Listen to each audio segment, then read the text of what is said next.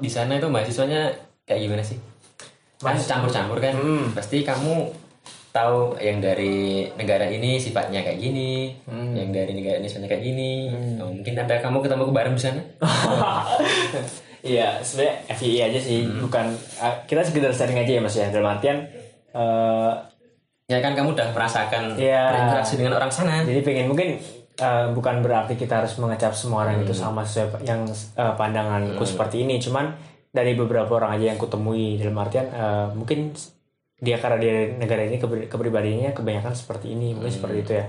Kalau dari eh, teman-temanku yang dari Europe ya, Europe itu mereka lebih eh, geng.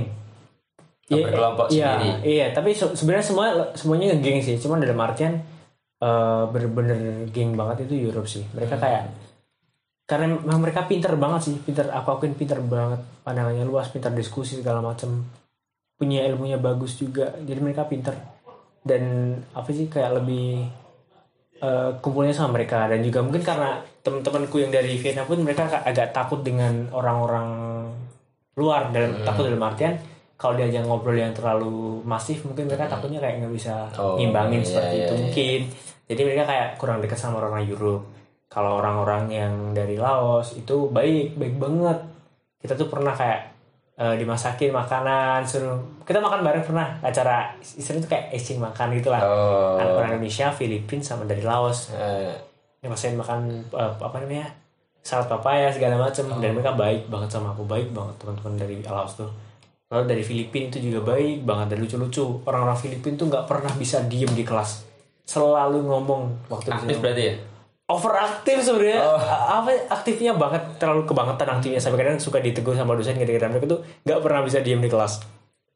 Itu kan orang Filipin kayak tapi heboh heboh banget. Tapi mereka benar-benar lucu benar lucu. Suka banget bercanda dan bisa klop banget sama semua orang. Itu orang Filipin. Keren banget sih mereka. Itu nilai plus ya? Ini dan plus lucu-lucu mereka. Dan orang Filipin tuh kan karena masih serumpun sama Indonesia bahasanya pun juga agak sama. Dan kita kadang suka kayak tukar bahasa ih bahasa kamu apa ini sama kayak payung iya payung sama payung oh berarti ada yang sama Iya, iya, banyak, banyak banget yang sama pintu, pintu kayak gitu sama eh, aku mahal kita, aku cinta kamu, Wah, kayak gitu ya lucu-lucu mereka, lucu banget orang-orangnya. Itu orang Filipin. Kalau orang Vietnam itu eh, karena lihat orang karena ini lebih ke teman-temanku yang berjilbab, mereka kayak apaan sih penasaran apa sih kok Eh. cuma diliatin doang. Kadang di paparazzi juga ada kayak ih jilbaban. Jarang-jarang di foto tanpa minta izin dulu kan kayak gitu. Hmm. Cuman orang Vila- Vietnam kalau kita udah baik sama mereka, mereka akan baik lebih baik banget sama kita. Oh. Ya, apalagi kan kayak orang Indonesia kan, apalagi orang Jawa ya, kita kan terkenal yang namanya kayak sumeh. Apa sih? Iya. Mau nyapa orang, say hi gitu loh, saya duluan, tanya kabar. Kita kalau di sana waktu awal karena kita ah, masih euforia, ih seneng banget bisa keluar negeri gitu kan. Jadi kalau ketemu orang langsung, eh sincau, sincau, kan halo halo pakai bahasa Vietnam sincau gitu. Jadi orang-orang kayak eh ciao ciao siapa tuh? Oh kagak kenal nyalam nyalam di jalan di jalan di jalan orang lewat disalamin kan nggak tahu kan. Saking terlalu ramahnya mungkin ya orang Jawa tuh. Terus dari situ kayak mereka penasaran kan ih siapa tuh kok suka suka banget? Kita sering eh, nyapa orang lewat di jalan dan mereka ke- kepo kan. Kita nanti lebih gampang dikenali karena memang pakaian kita paling berbeda. Iya. lebih gampang dikenali dan juga eh, teman-teman kadang mereka mulai nanya-nanya ih kamu ini kamu asrama di di mana kak berapa? Kan kita asramanya ada K1 K2 K3 K4 5 6 dan seterusnya. Kita di K5 kan? Eh kita di K5 di, di kamar sekian lantai satu. Kapan-kapan main ke kamar kita. Kayak kita sering banget kayak gitu dan kadang-kadang ada yang main kita masakin. Mereka datang bawa apa kadang kayak gitu. Oh. dan kayak cita-cita mereka minta di diajarin bahasa Inggris sampai eh, mereka kan ada kayak study club bahasa Inggris. Itu buat teman-teman yang nggak ngambil program kayak IELTS gitu tapi mereka pengen belajar bahasa Inggris nah kita disuruh ngisi di situ kayak ngobrol cerita-cerita ke mereka dan mereka kayak bener-bener eh, keris banget kayak mereka tuh eh, sangat atensi banget sama kita dan bener-bener senang banget kayak kita mau ngisi di kelas mereka. Dan walaupun itu kayak hiburan juga buat kita karena kita bisa kenal sama teman-teman di sana. Dan dari situ kadang ada juga teman-teman yang dari lantai atas kita isengin kita kayak bercanda-bercanda pinjam sepeda pinjam apa-apa dipinjemin kayak gitu. Dan enaknya enaknya lagi sih karena kita udah deket banget sama manajer manajer asrama walaupun manajer asrama itu ba- baik cuman kalau sama karena orang lokal mungkin kayak nggak kurang etika ya nggak mungkin kayak tata keramanya kurang nggak beda sama yang orang-orang Indo kayak manajer tuh baik banget sama kita kalau mereka karena mereka ulang tahun dirayain kita diundang Oh. bener diundang kita kita yang diundang duluan bukan orang orang yang dia orang itu. Oh. kita duluan diundang dikasih tempat khusus dikasih makan makanan banyak banget Oh. kalau sisa pun sudah dibawa balik ke asrama baik banget Gila. emang iya baik banget tuh. Iya dan teman-teman juga teman-teman yang lokal di situ. Yang walaupun cuman ya itu kayak kita sehat dan kita cuma ketemu sekali dua kali karena kita sehat mereka ulang tahun kita dipanggil ayo naik ke sini kita mau pesta. Dan kan kita mikir kayak aduh kita kan nggak bisa makan babi nggak bisa minum bir. Udah kayak apa sih takut duluan? Tapi mereka tuh udah paham duluan dan artian kan kita eh, tahu hotpot mas. Yang yang kita makan tapi di kuali pakai Oh, iya. nah Ah. kayak gitu kan nah pakai hotpot kayak gituan mereka bikin kan biasanya hotpot babi isinya Hmm. babi kayak gitu sampai minumnya minum eh, minum bir kan pastinya tiap hari kan minum bir mereka. Tapi karena mereka tahu kalau kita nggak bisa minum bir nggak bisa makan babi mereka pasti bikin hotpotnya dua yang satu ayam yang satu babi. Hmm. minumnya mereka pakai bir kita dikasih coca cola kayak gitu. Oh di sana juga ada coca cola ya? Ada dan sering banget kayak gitu. Sebenarnya kalau buat barang-barang itu sama aja sama di Indo cuman beda mereknya beda doang. Sebenarnya barangnya sama cuma mereknya beda. Oh. kayak apa sih variation tit. Nah di sana kayak kayak lady lady apa namanya tapi bener-bener produknya sama banget. Gambarnya juga sama cuma beda nama doang kayak gitu. Ya itu sih kayak teman-teman di sana tuh kayak kita kalau uh, mau sehat ke mereka kita menghargai mereka mereka bakal lebih menghargai kita lagi. Oh iya. itu sih yang emang perlu kita terapkan di sini kalau bisa sih. Iya bener banget sih. Sempat. Terus di sana mana ya? oh bingung sejam tiga loro kan tiga orang tiga orang episode. Oh, iya. Just, apa nih Cur? ya Pak. apa ya? Aku yang bingung? Ya Pak, ya bingung soal struggle ya. Masalah duit tiba duit oke no Iya. masalah nang mall. Eh, kan tadi kamu dapat uang jatah dari kampus kan itu cukup gak sih sampai kamu buat balik lagi ke sini Oke, kalau masalah uang ya mas ya, buat living ah living cost ya berarti ya. Hmm, ya buat kehidupanmu sehari-hari buat jajan buat main Wis. ya, buat ngapa-ngapain tuh kira-kira cukup gak sih Kalau masalah uang ya, aduh gimana ya. Sebenarnya kan karena dulu kita dapat eh, uang dari GC itu bisa buat cover buat pesawat PP Hmm. itu pasti. Sama yang satu lagi buat uang living cost itu bisa buat nge-cover sekitar sebulan. Hmm. Sebulan pertama. Itu karena kenapa cuma sebulan pertama? Karena tau lah kalau kita pertama kali pindahan kayak anak pindah kos lah. Kan kita butuh beli kayak beli kompor, beli piring, beli kasur. Kayak gitu kan juga butuh duit banyak. Nah, di situ mungkin karena habisnya di situ walaupun sebenarnya karena kita dulu waktu pertama kali makan tuh irit irit banget sebulan tuh cuma habis makan doang ya sebulan tuh ya habis 300 ribuan satu orang murah dong Iya. sedikit banget tuh Iya sedikit banget karena kita benar-benar di situ menekan biaya. Walaupun sebenarnya makannya juga agak banyak, kita makan banyak cuma benar-benar ya, teman-teman karena cewek-cewek itu pintar banget buat ngurus harga jadi kita ah enaknya sama cewek tuh gitu ya. iya Benar-benar kayak bisa ngirit. Tapi ya itu yang bikin boros tuh setelah kita kuliah karena kita udah kayak iya kita pengen coba makan kita eh, waktu kita buat istilah terbatas daripada kita pulang ke asrama harus beli ke pasar dulu harus masak dulu kelamaan ada yang kita jajan dan di situ agak mulai agak nggak irit lagi Iya. tapi udah biasa sih Iya di kan? situ udah kayak hmm, udah kayak lumayan biasa ya emang kita perlu nambah uang ekstra itu pasti karena eh, kayak keperluan praktikum kan juga kita harus bayar juga Hmm. kayak kita harus pengen main juga kan harus pakai uang sendiri Hmm. itu juga nambah tapi nambahnya juga sebenarnya nggak nggak terlalu banyak cuman kayak ke mana aku agak banyak karena ya itu kayak banyak main dan juga kayak makannya juga sembarangan. Nanti banyak banyak hunting food. Oh. dan juga kayak olah-olah itu juga beli banyak banget duit. Oh iya, iya. jadi keluarnya di situ sih karena banyaknya di situ sebenarnya. Hmm, terus sama oh eh ada nggak sih barang yang kamu bawa dari Indonesia ke Vietnam makanan? Misal eh mie instan atau apa itu? Ah itu sebenarnya salah satu tindakan antisipatif ya mas. Karena dari awalnya kita udah mikir kayak kita bakal ter- culture shock apalagi masalah makanan di sana. Itu pastinya ada pastinya ada. Kita lebih eh, kalau dari makanan-makanan yang awet awet dulu ya. Yang dari awet kan kita kayak bawa kering tempe bawa Iya, abon kayak gitulah iya. segala macam kering-kering yang lebih praktis buat bisa Hmm. disimpan lama. Juga mie kita juga bawa kayak mie Ya, Indo gitu eh, kan Mister Tit ya, kayak itu gitu lah kardus itu eh, enggak sih Oh, kan kita enggak. juga bikin bagasi juga Oh, iya. banyak. paling cuma bawa beberapa aja karena kita mikirnya kayak ah kalau terlalu ketergantungan juga gak enak pun Hmm. kalau mie instan pun di sana juga pasti ada kulkasnya Hmm. beda kita yang bisa Hmm. menyesuaikan lah kayak gitu dan eh, dari karena di timenya sendiri kan nggak ada eh, Sevel ataupun Circle K jadi kita pertama kali nemu Circle K sama Sevel tuh di di Hanoi Hmm. jadi kayak apa sih Sevel tuh mirip kayak Indomaret Iya. bener-bener mirip Indomaret. Barang-barangnya di luar tuh barang-barang Indonesia semua. Jadi kayak aduh surga banget di sini. Main ke sana tuh wajib ke Sevel kita beli makanan Oh. makanan kayak gitu. Maksudnya kayak kalau kangen pengen beli apa? Pengen beli Indomie Hmm. pengen beli Pokit kayak itu ada di sana. Jadi kita ya udahlah santai aja. Oh Star Tweet itu juga ada tapi ya mahal kan nggak pernah beli. Ya Gitu. sadar diri. Ini sadar diri lah kita ada astagfirullah.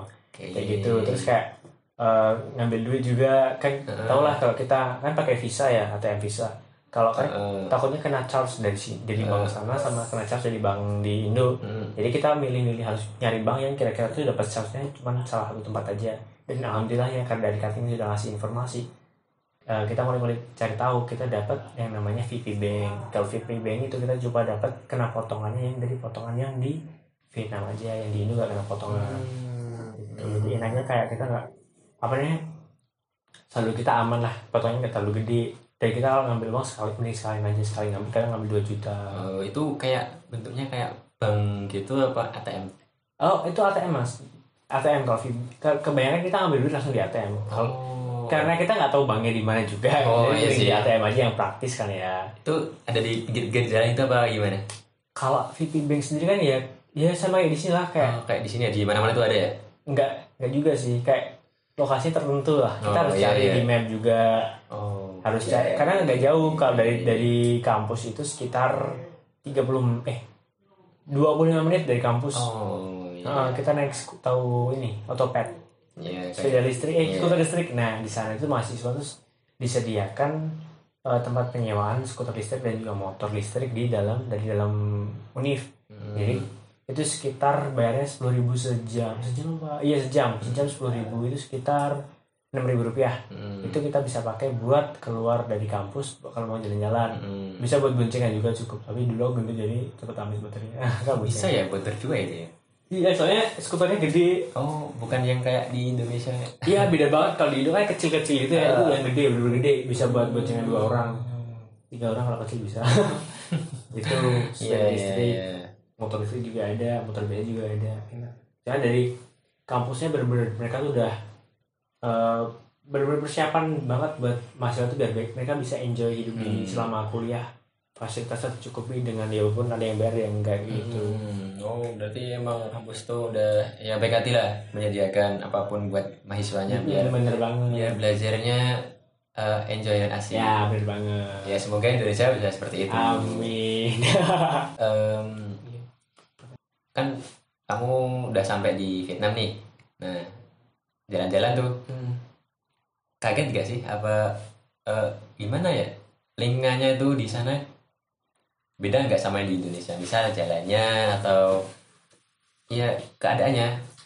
Ya beda beda banget sih mas. Beda bangetnya apa? Karena kalau di Indo itu kan lebih banyak orang yang punya tata krama etika saat berkendara. Hmm. nah aku gak bilang mereka nggak punya etika ya cuma mungkin etikanya berbeda aja Hmm. bedanya gimana bedanya adalah eh, ketika eh, orang naik motor atau mungkin mobil mereka tuh selalu eh, nyalain klakson itu nggak bisa sabar Hmm. bener-bener lampu merah diterabas kayak gitu sih kayak bener-bener nggak ada nggak ada aturannya gitu sih Hmm.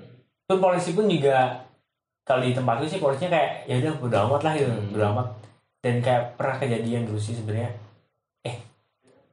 pernah, pernah kejadian kan kayak dari kakak tinggal di sana cerita. Jadi dulu eh, kalau teman-teman yang mereka kuliah full time di sana kan mereka kayak nggak mungkin lah mereka terlalu mengharap eh, bergantung sama orang tua. Hmm. dan artian terkait eh, dana ya buat Hmm, hidup kayak gitu. Jadi mereka kadang juga eh, ikut apa sih namanya kayak les ngelesin tambahan nah ya. penghasilan tambahan kayak ngelesin bos-bos di sana buat bahasa Inggris. Kebanyakan eh, murid-murid dari teman-teman yang kuliah ada orang-orang yang punya toko besar punya perusahaan gitu mereka belajar bahasa Inggris sama teman-teman di sana. Nah pernah kejadian suatu ketika ada salah satu mahasiswa yang dia itu lagi mau eh, berangkat. berangkat mengajar kan dan posisi teman-teman yang lain udah pulang ke negara masing-masing karena waktu itu lagi musim dingin. Hmm. nah waktu di jalan ternyata kan dia naik skuter listrik itu. Kan skuter listrik kan se nggak nggak terlalu kenceng. Nah ada taksi ada taksi itu dia asal belok belok asal. Kan mereka apalagi mobil ya mobil tuh kayak mereka tuh kayak penguasa jalan banget. Itu nggak ada itu ya lampu sen yang rating kiri rating kanan itu emang nggak dinyalain boh iya nggak di nggak pernah dinyalain karena mereka tuh kayak asal banget dan dia belok akhirnya nabrak si mahasiswa itu mahasiswa itu dan meninggal Oh. meninggal akhirnya ya udah dan nggak tahu sih kayak akhirnya kayak gimana cuman ya udah kayak istilahnya eh, orang-orang kurang ada empati ya kurang peduli dengan maksudnya kayak keselamatan Hmm. orang lain di situ kayak mereka lebih mengutamakan eh, keselamatan eh, istilahnya lebih meng- mengutamakan kepentingan pribadi daripada keselamatan Hmm. orang lain terutama untuk pengendara mobil ya kayak gitu.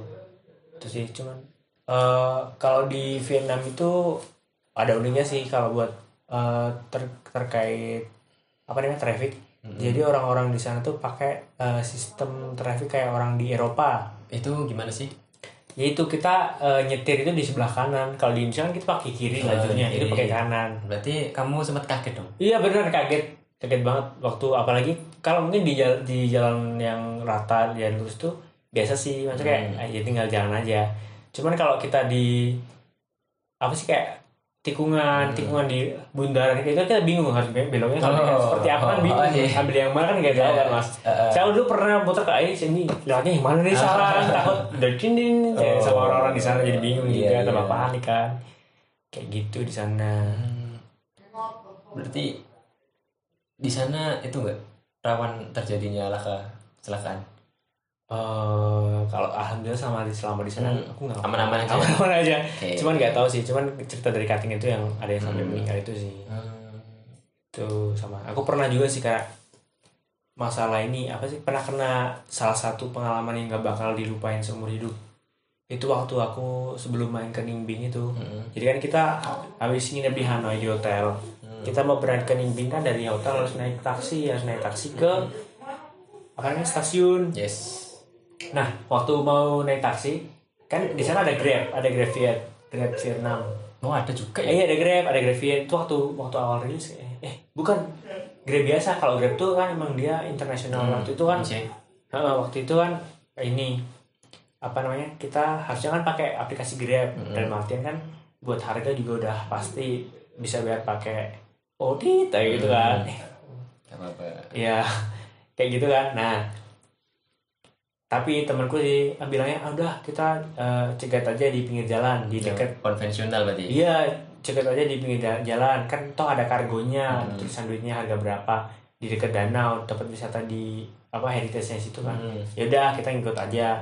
Pesan dua taksi, naik, kita naik kan. Udah sampai di tempatnya dia sampai mau di terminal, eh di stasiun. Kan stasiun di, di seberang jalan, mereka nggak mau nganterin sampai ke seberang jalan karena di seberang jalan ada polisi. Dan di situ kita kan dari awal aku udah udah curiga sama tem sama temanku, aku bilang, eh itu kok kargonya tulisannya 600 ribu satunya. Kok mahal banget? Hmm. padahal kan naik taksi kalau cuma jarak dari situ ke situ kan aku juga sering naik taksi di sana. Ya itu paling kenanya cuma sekitar 30 ribuan nggak sampai 20 ribu 30 ribuan. Nah itu 600 ribu. Dan aku bilang ke temanku itu kok 600 ribu temanku bilang enggak itu tuh komanya nggak kelihatan itu cuma 60 ribu aja. Dia gitu aku ya ya udahlah ya udahlah emang kayak gitu. Makanya aku diem doang selama sepanjang jalan. Nah waktu turun tiba-tiba si supirnya ngeyel bilang ini 600 ribu nggak bisa. Intinya dia tuh maksa kita nipu Eh. kita biar kita disuruh bayar sesuai kargonya itu. Iya sebenarnya itu di kargo 60 ribu cuman komanya dihilangin aja. Kurang aja. Iya dan Bener. disuruh bayar 600 ribu satu mobil padahal itu dua mobil kan? Hmm. aku bingung posisi aduh ini gimana? Masa kita harus bayar segini. Nah temanku ada nih yang cewek kan? Dia tapi marah-marah saking sampai kan udah capek juga dan Hmm. uang uangnya kan juga waktu kita main kan uangnya juga udah mepet mau habis ya? Iya karena kita belum ambil uang masih ada uang di ATM cuman kan uang yang dikasih Dipegang. dikit disuruh bayar dibayar satu juta dua ratus cuman buat jarak astaga 500 meter nggak ada gitu. Dan itu pasti kita udah sering banget main ke Hanoi dan hafal jalan Hanoi. Jadi supirnya tuh sengaja kayak kita tuh di- diputerin dulu diputerin biar jadi enam puluh ribuan. Walaupun sebenarnya kalau eh, kita lewat jalan yang biasa yang udah kita sering lewatin paling sekitar nggak sampai empat puluh ribu tiga puluh ribuan paling itu sampai enam puluh ribuan dan disuruh bayar enam ratus ribu per mobil temanku marah-marah di situ dan kita kancam mau telepon polisi. Untungnya mereka nggak bisa bahasa Inggris. Dan di situ yang eh, temanku yang di, temanku ngomel ngomel-ngomelin ke supir di depan dan aku ngomel yang di belakang aku ngomelin juga. Dia marah-marah aku juga marah-marah. Aku marah dia pak nggak bisa bahasa Inggris pakai bahasa Vietnam. Aku pakai bahasa Inggris. Tambah kemudian ya udah aku sampai capek akhirnya aku aku musim-musim pakai bahasa Jawa kalian. Anjing cacok ya gitu kan. ya gitu. Yang tidak pernah dikeluarkan. Iya, itu, ser- itu sering banget sih sebenarnya. Dan itu kayak astaga antara antara yang cewek kan takut ya beberapa ada yang takut, beberapa tak- aku takut gitu.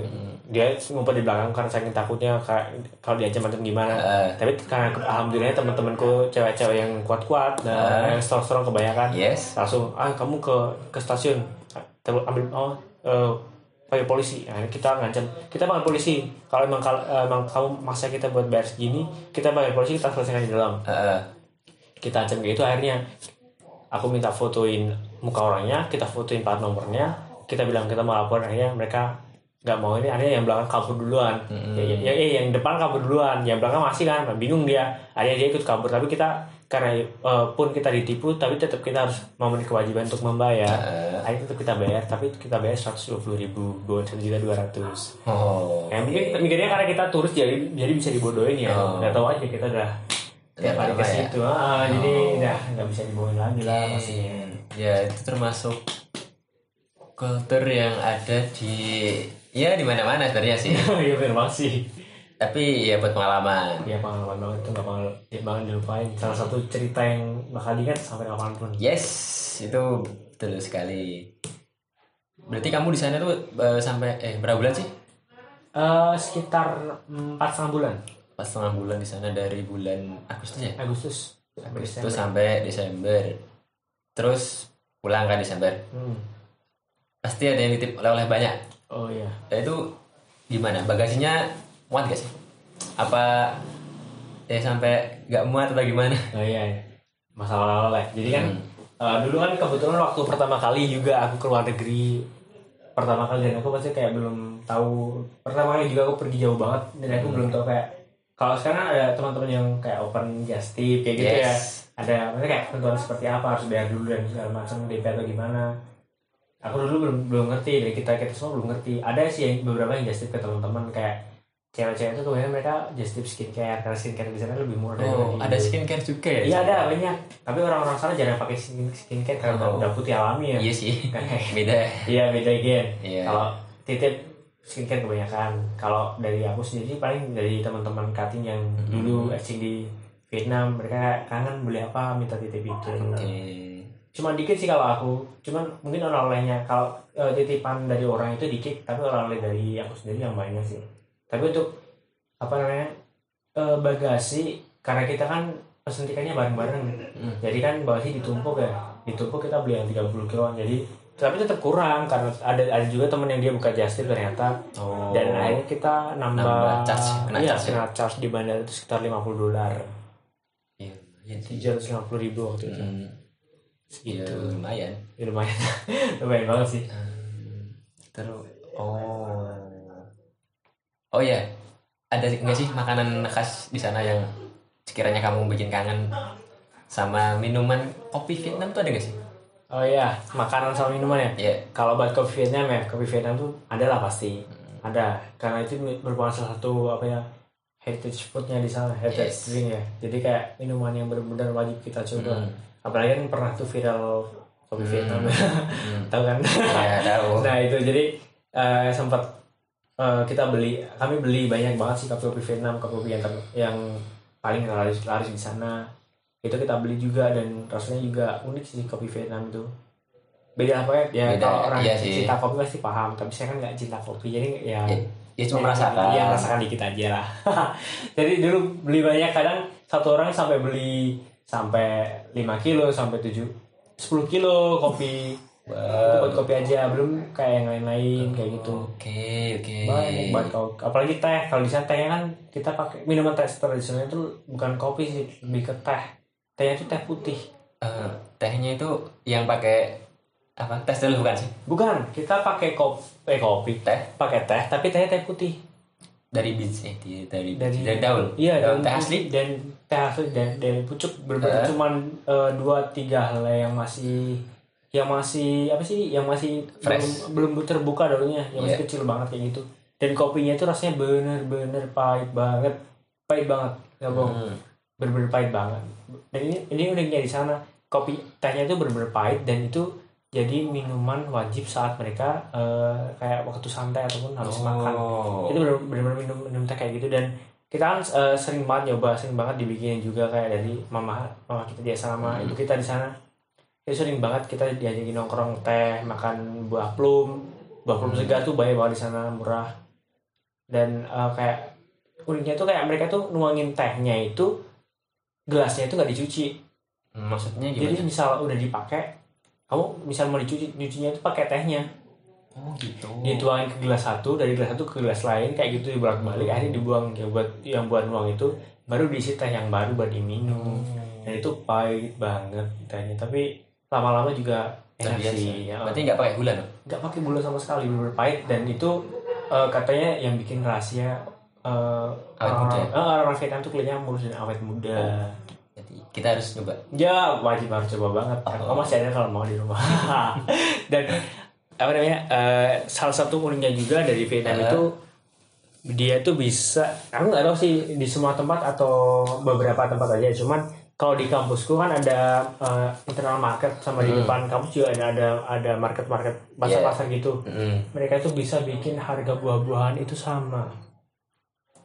Buah pir, buah apel, buah mangga, buah pisang, segala macam semuanya. Hmm. Itu mereka jualnya cuma satu kilo harganya 12.000 ribu dong. berarti 12 sampai 18.000 ribu dong. ya termasuk standar dong berarti Itu sa- satu kilo berarti harganya sekitar kalau 12 ribu itu berapa ya? 3.000, 3.000 tambah 1.000. 7.000 setengah lah. Satu kilo apel 7.000 setengah. Itu murah dong Iya makanya pir satu satu kilo tujuh setengah, semangka sekilo tujuh setengah.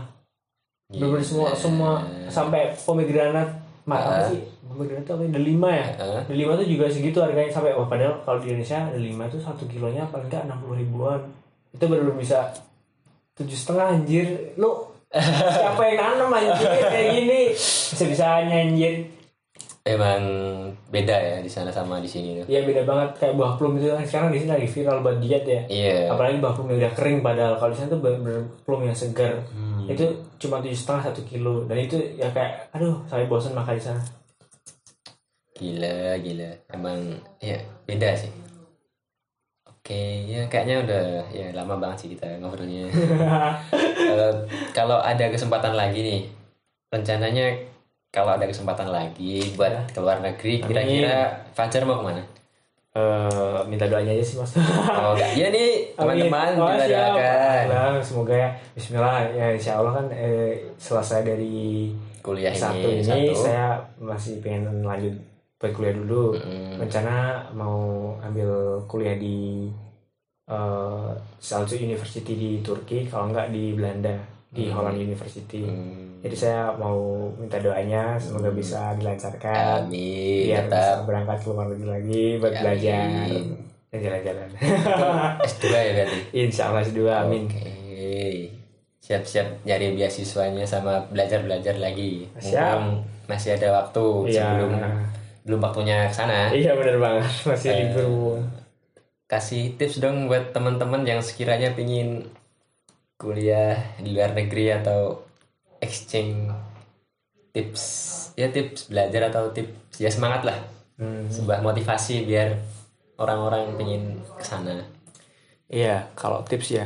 Kadang eh, sebenarnya baik lagi sih mas. Sebelum masuk ke tipsnya, Hmm. sebelum aku kasih eh, masukan sih, kayak kadang tuh banyak sebenarnya teman-teman yang punya mimpi buat eh, pengen bisa kuliah ke luar negeri. Kadang Yeah. kayak aku sendiri pun kayak sering banget kayak teman-teman yang nge DM, eh kenapa sih kamu bisa ke luar negeri? Aku juga pengen. Kok kamu bisa kayak gini kayak gini kayak kayak gitu kan? Pasti kayak ah asik nih bisa keluar keluar nah Hmm. tapi kadang-kadang teman-teman cuman stuck di situ stuck stuck dalam artian cuma kita tanya ke orang yang sudah mereka tuh bisa ke luar negeri tanpa kita tahu kayak perjuangan mereka tuh buat ke luar negeri se- seperti apa aja Hmm. nah buat teman-teman yang pengen pengen banget bisa ke luar negeri entah itu program apa pun silahkan teman-teman tuh harus yang pertama harus aktif niat dan aktif. Aktif dalam artian teman-teman harus aktif cari program. Cari program yang kira-kira bisa uh, teman-teman ikutin buat ke luar negeri. Program apa pun apa pun itu. Entah itu short course ataupun itu uh, conference ataupun itu lomba LKPI segala macem. Silahkan dicoba sesuai dengan passion dan uh, minat teman-teman. Eh, karena uh, apa ya istilahnya itu kita nggak bakal tahu rezeki kita itu di mana jadi teman-teman harus siapa tahu kesempatan ya. Iya bener banget mas. Jadi kita harus ber- berusaha ber- mempersiapkan diri. Kalau emang teman-teman pengen ke luar negeri dengan jangka waktu yang panjang, ya silahkan persiapkan kayak eh, persiapan ke luar negeri. Kayak sekarang kan wajib banget kita punya namanya TOEFL atau IELTS itu sa- salah satu model kita buat bisa ke luar negeri. Bikin paspor karena nggak ada ruginya kita bikin paspor sekarang karena Iya. kita aku udah punya loh Ya bagus banget lah keluar negeri ya bentar lagi mas. Kayaknya bener banget, amin. Karena kita nggak tahu eh, kapan kita bakal keluar negeri. Tiba-tiba siapa tahu tuh teman-teman udah eh, tiba-tiba disuruh sama dosennya, eh kamu besok ke Malaysia ya mewakili saya ikut saya eh, a- apa namanya seminar di sana. Kan nggak tahu ternyata teman-teman nggak punya paspor nggak jadi ikut. Nah dari situ kan teman-teman harus eh, mempersiapkan paspor kayak gitu itu sesuatu yang sangat-sangat penting. Dan juga teman-teman harus bi- biasanya praktis ber- ber- berbahasa Inggris. Atau mungkin mungkin kan teman-teman yang pengen ke Jepang atau ke Korea bisa pakai praktis ke bahasa mereka juga. Karena teman eh, karena eh, karena kita kita punya ilmu tapi kita nggak pernah menerapkan sama aja kayak bohong gitu. Kayak kita cuman tahu aja seperti apa rumusnya seperti apa eh, artinya. Tapi kita nggak bisa buat ngomong karena eh, yang lebih penting daripada kita untuk mengetahui sesuatu adalah kita untuk menerapkan sesuatu itu soft skill kita untuk betul melakukan hal yang kita ketahui. Jadinya semangat dan juga persiapkan niat dan eh, segala bekalnya. Iya, sangat memotivasi sekali dari Fajar ini. Ya, semoga teman-teman yang ingin keluar negeri, yang ingin kuliah di sana atau ya main bisa segera terpenuhi. Amin. Ya, terima kasih sudah ingin sudah mau hadir di podcast Wah, siap. saya. Siap. Terima kasih juga Mas Gigi. Ini eh, suatu kehormatan bagi saya bisa masuk mengisi podcast selanjutnya luar Oke, biasa. terima kasih. Ya, sekian mungkin sampai sini dulu kita bertemu. Sampai jumpa di podcast-podcast selanjutnya. Terima kasih. Dadah.